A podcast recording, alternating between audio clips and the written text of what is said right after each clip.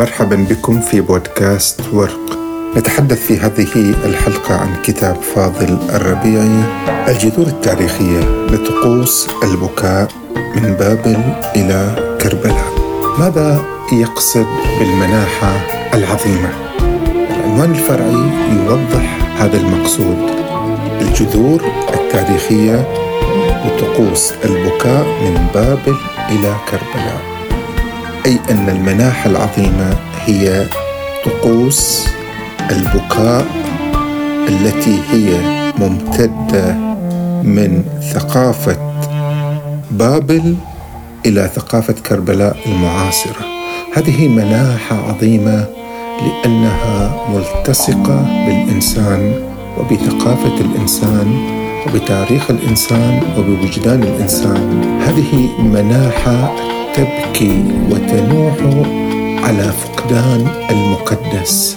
هذا المقدس يأتي في التاريخ في صور متعددة أي بمعنى أنه كما أن الإسلام حين جاء بشعيرة الحج فإنه جاء به وكان مسبوقا بطقوس العبادة والحج إلى البيت إلى مكة وإلى بيوت أخرى أيضا. ولكن حين جاء الإسلام أعاد تكوين هذه الشعيرة في صيغة أخرى هي الصيغة التي نعرفها اليوم والمتوافقة مع فكرة التوحيد.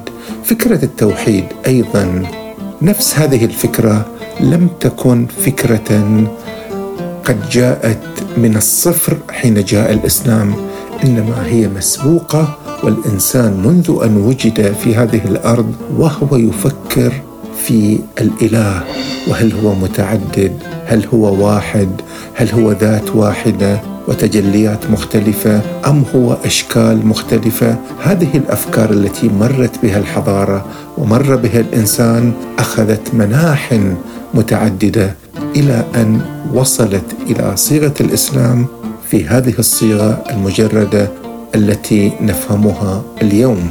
كذلك باقي العبادات الصلاة والصيام والنذور والدعاء كلها هذه الطقوس العبادية هي لم تبدأ من لحظة صفرية في الإسلام إنما هي كانت مسبوقة بأديان أديان توحيدية وأديان سماوية وأديان غير توحيدية ووثنيات ولكن كل هذه الصيام المعبرة عن قلق الإنسان عن وجود الإنسان كانت موجودة وتم إعادة إنتاجها في أشكال مختلفة وصولا إلى الصيغة التي وصلنا لها في الإسلام. كذلك المناحه العظيمة كربلاء التي هي اليوم تمارس على هذا النحو البكائي والشعائري. هل هي بدأت من الصفر؟ إلى من تعود؟ هذا ما يناقشه هذا الكتاب في المناحة العظيمة. يرفض الباحث فاضل الربيعي فكرة أن طقوس كربلاء جاءت بتأثيرات فارسية أو جاءت نتيجة تأثيرات البويهيين أو تأثيرات الصفويين إنه يذهب إلى أعمق من ذلك يقول أن هناك الثقافة البابلية الثقافة السومرية الثقافة الآشورية هذه تسبق أساسا الثقافة الفارسية وهذه تمثل الحضارة الأم لفكرة البكاء والمناحة أو ما يعبر عنه بالمناحة العظيمة. هناك نجد جذور هذه المناحة. حين نريد أن نؤصل لفكره كربلاء في البعد الإنساني في الطقس الإنساني فسنجد أن هذه تمتد إلى هناك وليست إلى الثقافة البويهية أو الفارسية أو الصفوية بل إن تأثير العراق بحضارته السومرية والبابلية قد أثر في الثقافة الفارسية. الشكل الديني وشكل المناحة انتقل إلى فارس من العراق. هذه الفرضية أو النظرية التي يدافع عنها ويصر ويقول أن ثقافة كربلاء ومناحة كربلاء هي امتداد إلى هذا العراق امتداد إلى هذه الثقافة وليست إلى شيء آخر. وهذه الثقافة سنجد تجلياتها تظهر كذلك في مصر آه، وكذلك في سوريا وكذلك في العراق. المناحة ترتبط بالمقدس. لا يوجد مجتمع من غير مقدس. المجتمعات القديمة كانت تتمحور حول مقدس تموز مثلا تموز الذي هو اليوم شهر ولكن في الحقيقة هو آلهة هو شخص هو مقدس كان يرى من خلاله الآخرون الذين هم ينتمون إلى الحضارة الآشورية والبابلية كانوا يرون في تموز آلهة الكمال آلهة الخصب آلهة الولادة آلهة الزراعة آلهة العطاء. هذا الإله يتغلغل في عقائدهم وفي أرواحهم كشيء يكمل وجودهم يهبهم الحياة. من غير هذه الحياة لا يستطيعون أن يعيشوا. لذلك هم يعبدون هذا المقدس ويخضعون لهذا المقدس ويرون الألوهية في هذا المقدس.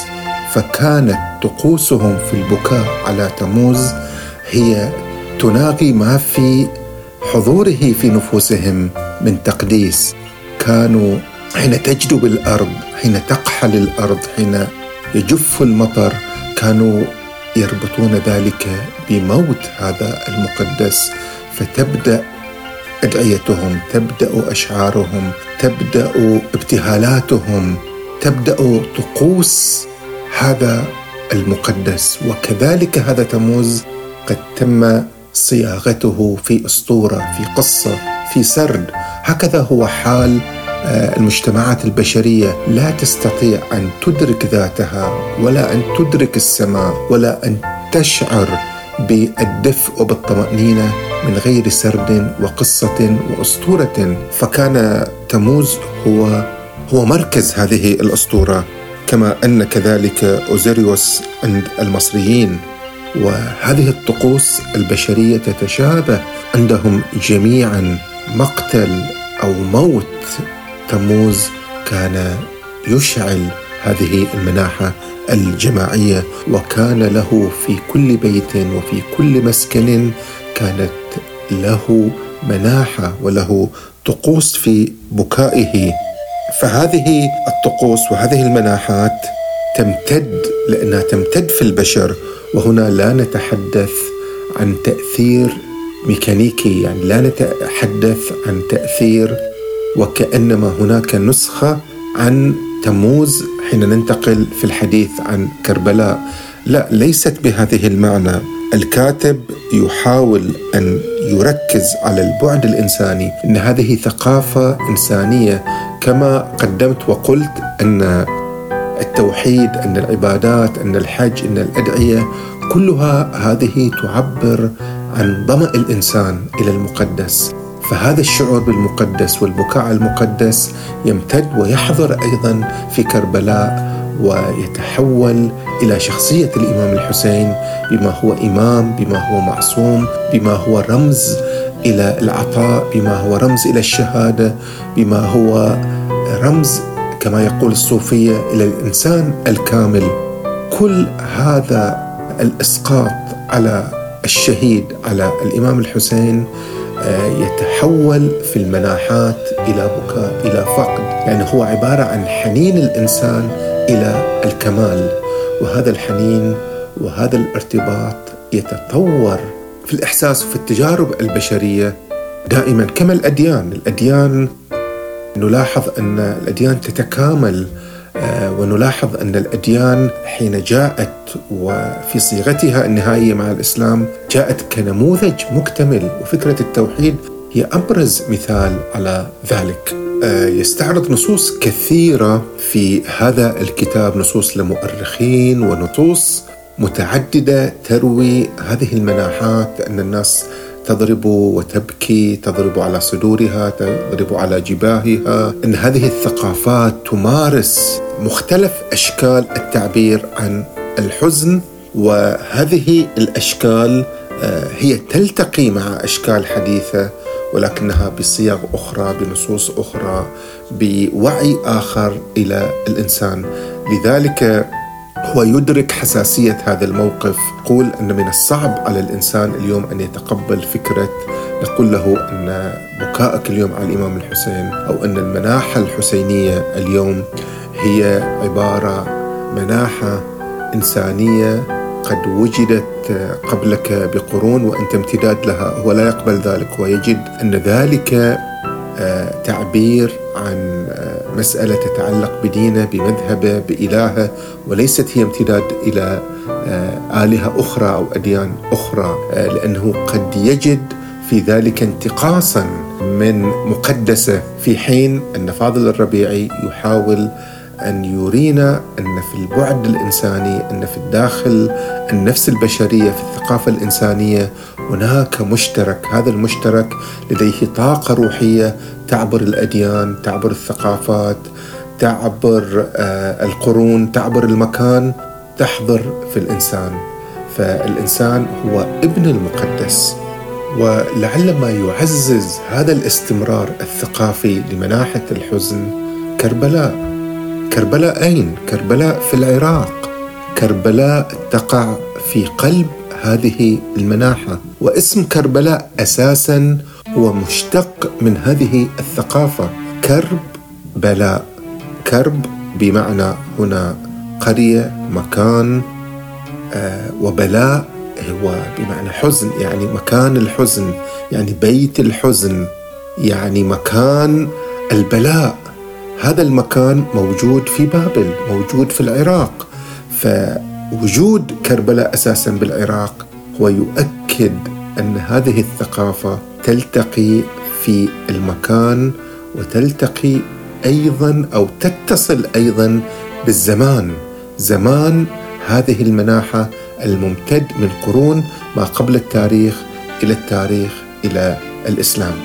ان بناء السرديات أيضا يقوم على هذا الالتقاء. فالكاتب مثلا يقول إن مجالس العزاء على الحسين وسماع جموع المحتفلين إلى قصة مقتله بما يعرف بمقتل أبي مخنف ليست بدعة من بدع الشيعة كما يزعم.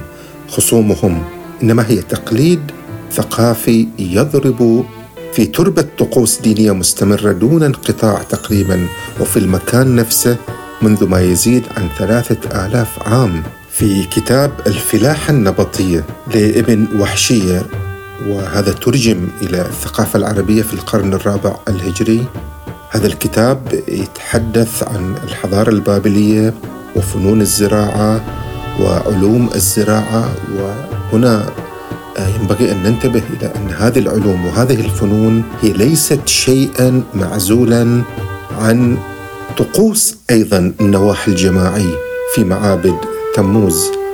فهي الفلاحة والزراعة مرتبطة ارتباطا وثيقا بفكرة النواحه وبالإله تموز وفكرة العطاء وفكرة البذل وفكرة الولادة. كانت الأرض بما تجود به هي تمثل التقديس لأن التقديس يعني العطاء يعني الكمال يعني الولادة يعني الحياة الجديدة. فهو ينقل في هذا الكتاب آه، طقوس العبادة طقوس النواحة آه، المعتقدات. يسرد كل ذلك ونجد في هذا السرد التقاء كبير جدا بطرق أيضا السرد المتبعه في المقاتل الكربلائية. وأؤكد هنا من جديد أن هذه آه، التأثيرات لا تعني أنها طبق الأصل أو لا تعني أنها تعبر عن فكرة وثنية إنما تعبر عن جذور إنسانية ضاربة في التاريخ ومتجاوزة إلى الزمان وإلى المكان بمعنى أنها تدخل حتى في الغناء.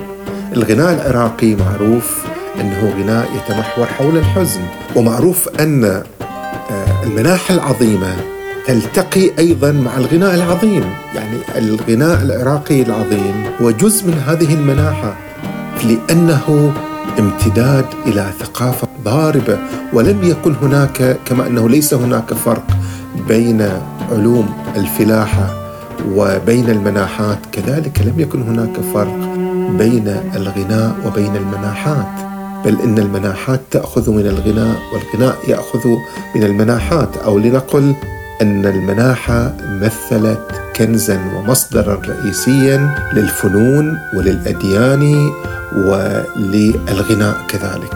لذلك يقول الكاتب أن العراقيين المعاصرين هم أيضا أحفاد أحفاد ثقافيين للسومريين والبابليين والآشوريين حتى لو تباعدت الأصول والجذور والسلالات والأسر لكنهم يشتركون مع اختلاف عقيدتهم مع اختلاف دينهم في مناحة واحدة عظيمة مستمرة تتجلى فيها واقعة كربلاء كما لو أنها هي ذاتها مناحة البابليين على تموز.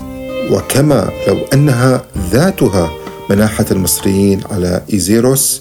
إذا آه، المناحة تكاد تكون المناحة العظيمة تتجاوز البعد الفنون تتجاوز العلوم تتجاوز الأديان تتجاوز الطقوس هي تركيب أنثروبولوجي في نفس الإنسان تلتقي وتعبر وتدخل في الأديان المختلفة. شكرا لكم.